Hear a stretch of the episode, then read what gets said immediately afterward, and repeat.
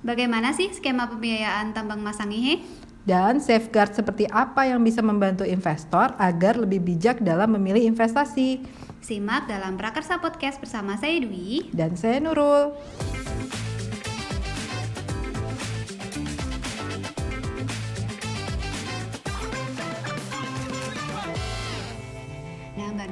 Indonesia nih ternyata memproduksi sekitar 4% dari produksi emas global.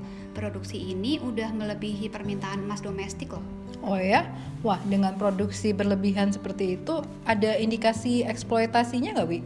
Hmm, bisa jadi kak, tapi Indonesia sendiri sebenarnya udah punya regulasi yang mengatur agar tidak terjadi eksploitasi berlebihan, yaitu melalui Undang-Undang Pertambangan tahun 2009. Ya, tapi ya eksploitasi tetap saja terjadi kak, uh, utamanya di Kepulauan Sangihe ya, yang di mana izinnya ini ditolak mentah-mentah oleh masyarakat, termasuk oleh wakil bupatinya.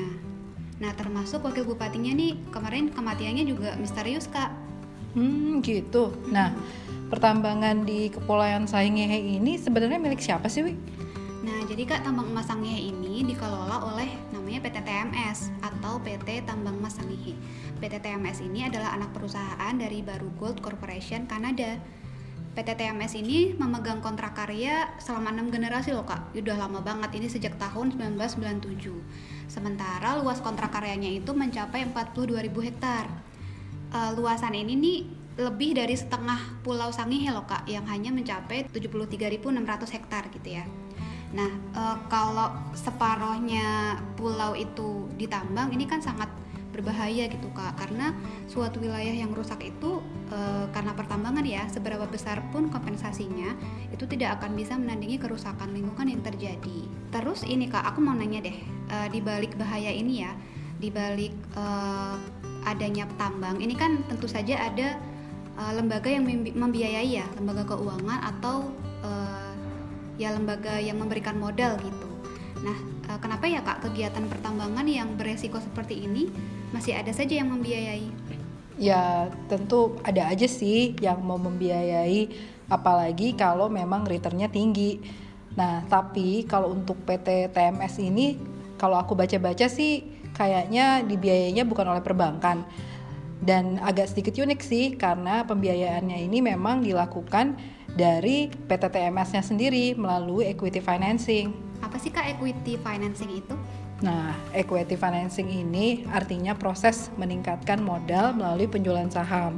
Ini melibatkan penjualan sebagian ekuitas perusahaan dengan imbalan modal Misalnya nih ya, pemilik perusahaan X mungkin perlu menambah modal untuk mendanai ekspansi bisnis. Nah, biasanya si pemilik ini memutuskan untuk menyerahkan 10% kepemilikan perusahaan itu dan menjualnya kepada investor dengan imbalan modal. Nah, nanti terakhirnya nih investor jadi memiliki 10% dari perusahaan dan juga otomatis memiliki suara dalam semua keputusan bisnis ke depan. Mereka ini nih yang biasanya disebut venture capitalist.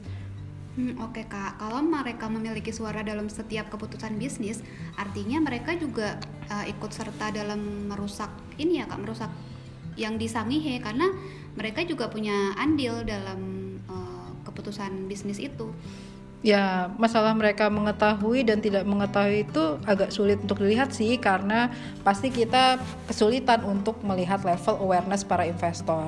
Tapi yang pasti kalau investor sudah memiliki share dari perusahaan, biasanya mereka akan lebih agresif untuk menyetir perusahaan menuju keuntungan yang lebih besar. Nah, makanya itu Wi, penting banget untuk adanya safeguard yang diintegrasikan ke dalam proses bisnis perusahaan, terutama perusahaan-perusahaan yang berisiko seperti PT TMS ini. Oke, setuju banget tuh Kak.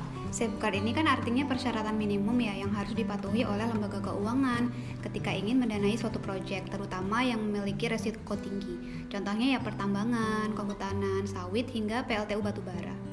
Nah, uh, Prakarsa nih Kak sebagai bagian dari responsi bank, koalisi yang terus mendorong perbankan agar berpraktik lebih bertanggung jawab dalam hal pembiayaan dan investasi, uh, punya alat monitoring loh Kak, namanya tuh alat pemeringkatan bank. Nah, pemeringkatan bank ini juga digunakan oleh seluruh jaringan Fair Finance. Khusus untuk sektor pertambangan, Responsi Bank Indonesia mendorong agar pembiayaannya lebih memperhatikan aspek lingkungan, sosial, dan juga tata kelola. Hmm, setuju banget, Wi bank yang membiayai sektor pertambangan memang perlu memastikan bahwa perusahaan mencegah terjadinya dampak negatif pada kawasan terlindungi yang sudah diatur sebenarnya nih oleh International Union for Conservation of Nature atau disingkat IUCN. UNESCO World Heritage Site juga punya uh, peraturan itu dan juga Ramsar Convention on Wetlands perusahaan sebenarnya tidak boleh loh beroperasi di lokasi di mana konsekuensi kerusakan lingkungannya sangat tinggi dan sulit diperbarui kembali. Misalnya yang terjadi di Pulau Sahingi itu. Oke kak, itu dari aspek lingkungan ya. Kalau dari aspek sosial juga nih, perusahaan juga harus menghormati ya deklarasi ILO tentang Fundamental Principles and Rights at Work. Perusahaan juga harus mencegah terjadinya konflik lahan, melibatkan masyarakat, khususnya masyarakat adat, untuk mendapatkan Free Prior and Informed Consent atau FPIC. Terus nih kak, yang tak kalah pentingnya terkait pajak nih perusahaan yang dibiayai bank ini harus ya harus wajib membayar pajak di negara di mana dia beroperasi. Perusahaan juga perlu melaporkan penerimaan, keuntungan maupun subsidi yang diterima dari pemerintah. Misalnya ada withholding tax, company tax dan juga uh, lain-lainnya. Hmm, terutama di sektor tambang bermasalah banget kalau soal perpajakan dari mulai indikasi agresif tax planning sampai indikasi pengembangan pajak dan banyak lagi lah Makanya aku setuju banget Wi sama safeguard yang kamu jelasin itu. Oke, ini berarti menunjukkan ya bahwa memang sektor pertambangan ini berpotensi tinggi pada perusakan lingkungan, konflik sosial hingga masalah carut-marut perpajakan yang implikasinya pada penerimaan negara. Sudah seharusnya lembaga keuangan bisa lebih bijak dan bertanggung jawab dalam setiap keputusan pembiayaan dan investasinya. Bener banget Wi, khususnya nih buat kita sebagai konsumen perlu lebih bijak lagi untuk menempatkan uang kita di bank yang lebih bertanggung jawab, terutama dalam keputusan pembiayaan dan investasinya terutama bank-bank yang telah mengintegrasikan aspek lingkungan sosial dan tata kelola. Oke, sekian Prakarsa Podcast episode kali ini. Kak Nurul, makasih banyak ya udah berkenan membagikan pengetahuannya pada teman-teman di sini. Sama-sama Wi, teman-teman jangan lupa ya follow account sosial media The Prakarsa dan dengarkan podcast ini di Spotify. Bye-bye. Bye.